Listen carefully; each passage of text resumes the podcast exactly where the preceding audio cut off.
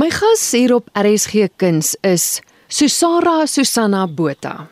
Maar jy as luisteraar gaan haar dalk beter ken as Saartjie Botha.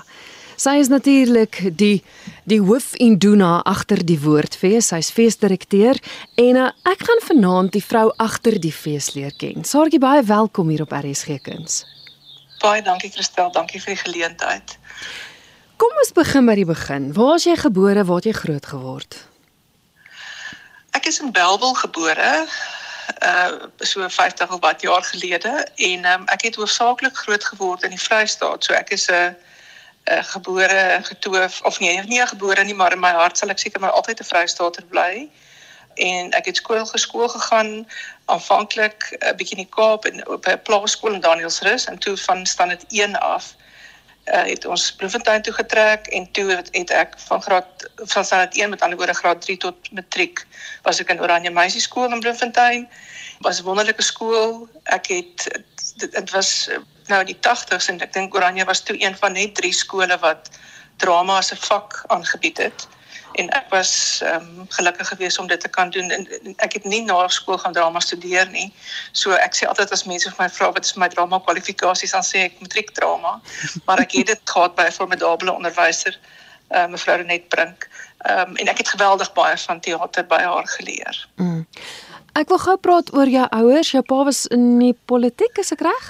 Hy was, hy was administrateur van die Vrystaat. Dit is hoe ons in Bloemfontein geland het.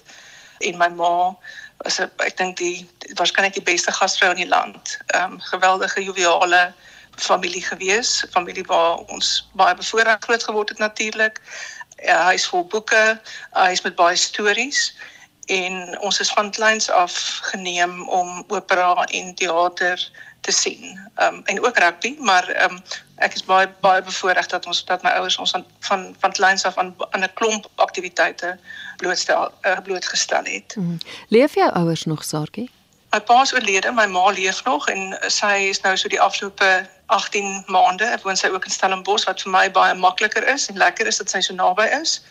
En ehm um, ja, maar ek dink ons almal sê nog steeds ons bly baie lekker in Stellenbosch. Dit is 'n baie groot wonderlike dorp om in te bly met soveel geleenthede, maar ehm um, ons hier as jy sien die Vrystaaters kook maar altyd se erns in 'n hoekie saam. Ehm um, dis baie baie besonderse deel van die land.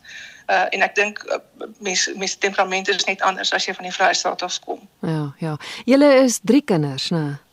Ons is 3 kinders. Ek is die middelkind, glad nie 'n tipiese middelkind nie. Ek het 'n ouer suster wat 'n onderwyser is en 'n jonger broer wat 'n prokureur is. Ja. Jy sê nou jy het matriek drama. Hoekom die besluit om nie drama te gaan swat nie? Van van pure stupidheid. My pa het eintlik in, in in my standaard 9 jaar vir my gesê dis oukei, okay, hy het aanvaar ek gaan drama swat. Toe sê ek nee, ek wil glad nie drama swat nie. Ek ehm um, want ek het nie besef dat jy nie noodwendig 'n aktrise hoef te wees as jy drama studeer nie. Ehm um, en dat daar 'n hele nuwe wêreld in Bloemfontein moes jy was dit spel. As jy Bloemfontein gestudeer het waar ek nou groot geword het en so 'n bietjie geweet het wat aangaan. As jy gaan drama studeer het dan het jy 'n aktrise geword en jy het hmm. toneelspel gehad of saaklik en ek is maar van nature 'n bietjie skamerig. So dit is nie ek is baie gefassineerd met die proses van toneelspel, maar nie regtig uh, vreeslik ge uh, ek dink nie ek het enige talent nie.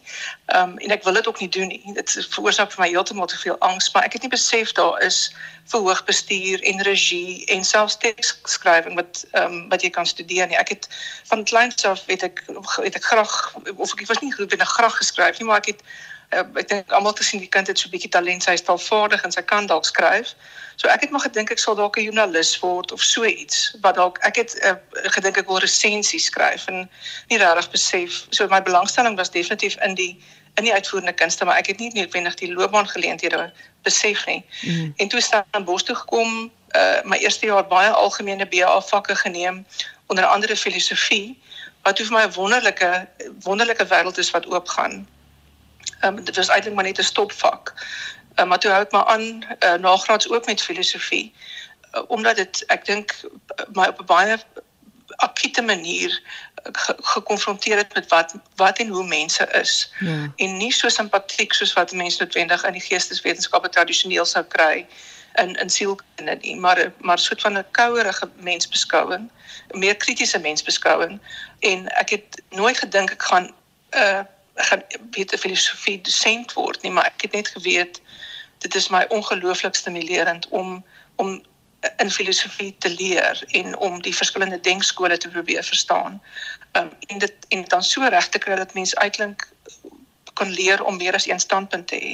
Ja. So dit is ek dink dis 'n wonderlike kursus en ek dink uiteindelik moet alle studente verplig word om 1 of 2 jaar filosofie te neem in terme van logika, in terme van etiek en die manier wat jy na die wêreld kyk en hoe jy mense verstaan. Mm. Ehm um, So eh, maar ja, ek het ek dink ja, ek het toe 'n bietjie lank filosofie gestudeer en toe in 'n stadium besef dit maak my nogal 'n eh, bietjie melankolies en ek is ek voel nie ek het regtig 'n eh, 'n lekker studente lewe as ek kyk wat van my ander studente vriende gedoen het nie en hulle het almal maar in die in die in was maar die drama en wat die drama wêreld hulle het of weet opgetree en shows gedoen en toe ek nou weer mettertyd nader beweeg aan die aan die uitvoerende kant daarvan en en ook sommer erns besluit ek ek wil bietjie letterkunde studeer ook en dit ook gedoen. Ja. Ehm um, maar my buurvrou Amelda Brand het in 'n stadium 'n drama projek met plaaswerkers gedoen en sy het iemand nodig gehad wat die wat die proses kan dokumenteer wat nie aktief deelneem nie maar letterlik kyk hoe die verskillende oefeninge gebeur wat mense sê hoe dit uitkom hoe dit uitspeel net basies net as 'n as 'n skriba optree en uh dit was my toe so wonderlik dat ek na in daai proses geweet het dit is eintlik die wêreld waarin ek wil wees. Uh, ek het ook 'n koffie shop in 'n stadium gehad dit het ook uiteindelik so toevallig geword maar dit was ook vir my baie lekker en in mettertyd het die praktiese wêreld van van teater en die praktiese wêreld van die coffee shop vir my lekkerder en interessanter geword as die wêreld van die akademie. Ehm um, ek is ek is maar 'n introvert maar ek hou van mense. Ja. En ehm um, dit is nogal dit, dit is 'n eensame pad om 'n om 'n akademikus te wees. Is minder eensaam om om 'n om 'n skrywer te wees want jy veral as jy vir teater skryf dan skryf jy altyd met 'n einddoel dat iemand anders lewe in jou tekste gaan blaas. Dis nie ehm um, dis jy's maar net een skakel in 'n groter ketting van kreatiewe van kreatiewe siele wat saam aan 'n eindproduk werk. So dis eintlik baie lekker lekker is eh, ek is baie bly dat ek by soort van my lêplek as 'n skrywer in teater gekry het. Ja, maar dit maak so sin dit wat jy nou sê, die filosofie agtergrond, die die feit dat jy so belangstel in mense, dit maak sin dat die tekste wat jy geskryf het, fokus op op kwessies van mense, maar dit fokus ook op mense. Mense kan daarin sien jou liefde vir mense en jou nuuskierigheid oor mense. Ja, ek dink as jy in die Vrystaat groot geword het, moet jy lief wees vir mense want daar's nie eintlik baie ander goed waarvoor jy lief kan wees nie. En ek dink ook mense stel hulle self oop en bloot en weerloos op 'n manier wat nie noodwendig in ander in definitief nie in 'n stad of in 'n weet meer ontwikkelde omgewing gebeur nie. Ja. Mense lewe na in die grond, na in die aarde. Um, en ek dink eintlik hulle is meer ruimgeestig baie keer as wat mense hulle voorkrediet wil gee. En beslis meer oop en eintlik ontvanklik as wat mense in die stad is. So ek is ek is vreeslik pro platlandse groot word jare. Ek dink dit is 'n wonderlike voorreg. Ek dink dit leer ook kinders om hulle self jy leer verbeelding. As daar nie iets is om ooglopend is om te doen nie, dan verbeel jy jou maar 'n klomp goed. Hmm. Ek dink mense kyk so vas in die feit dat jy feesdirekteur is en en vergeet partykeer dat jy dramaturg is. Miskien ook net gou-gou vir die luisteraars, noem net so een of twee van die tekste of so wat wat jy wat jy geskryf het. Oef jong, ek is nie almal op vreeslik op, op almal ewe trots nie, maar ek is ek het ek het my eerste soort van amptelike toneelstuk was 'n stuk met die naam van Spanner ja. wat ges, wat ek soort van geskryf het as 'n reaksie op die Boetman as die bliksem brief van Chris Lou. Ja. Ehm um, en dit was vir die eerste keer wat ek gedink okay nee, ek ek dink ek kan hierdie doen. Ek dink ek weet hoe dit werk. Uh en ek het altyd jonker geskryf. Ehm um, 1975 in Balbesit dink ek is miskien Toukie se verrader. Waarskynlik dink ek my my beter werk. Hmm. Ek is nou nuuskierig. Hoe het jy hoe het jy by die woordfees beland? Want jy sê nou jy het jy het besef daai kant van die drama wêreld, jy hou daarvan. Jy wil deel wees daarvan, maar jou paadjie tot waar jy vandag is, hoe hoe het dit geloop? Kyk, ek het in 'n stadium honeurs in Afrikaans Nederland gedoen op Stellenbosch en uh, Dorothea van Sail was toe een van ons dosente, sy het vir ons Nederlandse poesie gegee en uh, so ek was baie lief vir die departement en lief vir die dosente daar. En ehm um, toe die woordfees begin, dit was 1996 en toe die woordfees begin in 1999 was dit net 'n uh, poesiefees wat ek ek het dit baie gewoon en toe in ek dink 20 in 2001 toe staan vir die eerste keer ehm um, behoefte dat dit meer as net poesie moet wees. Daar was musiek, klassieke musiek ook baie van die begin af, ekskuus. Maar toe daar so van gesê kan daar nie 'n uh, klein bietjie miskien 'n drama aanbod wees nie, maar daar was nie uiteindelik begroting nie. So toe was die voorstel dat uh, omdat die woordfees destyds in Maart aangebied is dat daar voorskoue op die KAKNK ehm um, voorskou wat op die KAKNK te sien gaan wees. Uh ook by die woordfees te sien is ek 10 minute uittreksels en omdat ek toe reeds begin werk maak het onafhanklik vir die feessiklus het um, hulle vir my gevra as 'n oud student by die departement of ek nie dit sal koördineer nie. En um, ek het dit toe nou aanhou doen en toe is ons baie bevoorreg geweest om 'n stadium 'n borgskap van Sanlam gekry wat van 500 000 rand wat verskriklik baie geld daai tyd was. Ja. En toe kon ons vir die eerste keer 'n volwaardige toneelprogram by die Woordfees aanbied. Ek dink dit was in 2007. En so ek het maar altyd die Woordfees ehm um, was deel van my lewe. Ek weet jy ek het baie werk op ander teaterwerk op op feeste gedoen, maar ehm um, uit 'n organisatoriese oogpunt was ek so van die derde fees af betrokke. Um, nie altyd ewe um, intens nie, maar dit ek het niks gemis nie. Ek was altyd hier as die as die fees aangebied is. En toe professor van Sail aftree, toe het hulle vir my gevra, ehm um, professor Mohammed Karan was toe die waarnemende direkteur, visierektor vir sosiale impak.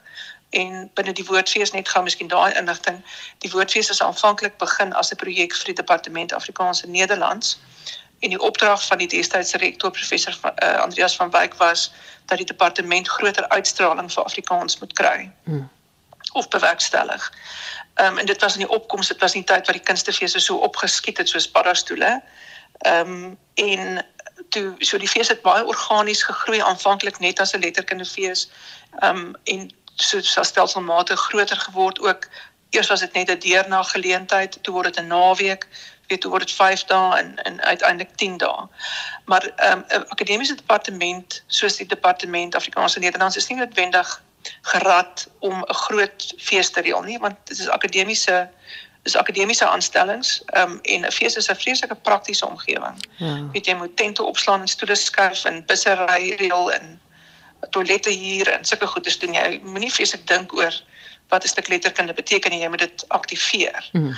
Ehm um, en toe die die fees geskuif binne die universiteit na die afdeling gemeenskapsinteraksie wat toe later sosiale impak en transformasie geword het. So dit is waar ons binne die universiteit nou lê en dis vir ons 'n baie goeie plek om te lê. Ehm um, ons het nog steeds die hart van die fees is steeds die skrywersprogram soos die fees ontstaan het, maar die maar die impak van die fees is groter as net letterkunde, mm. groter as net Afrikaans. Dit dit spreek 'n hele gemeenskap aan. Ja, dis wonderlik.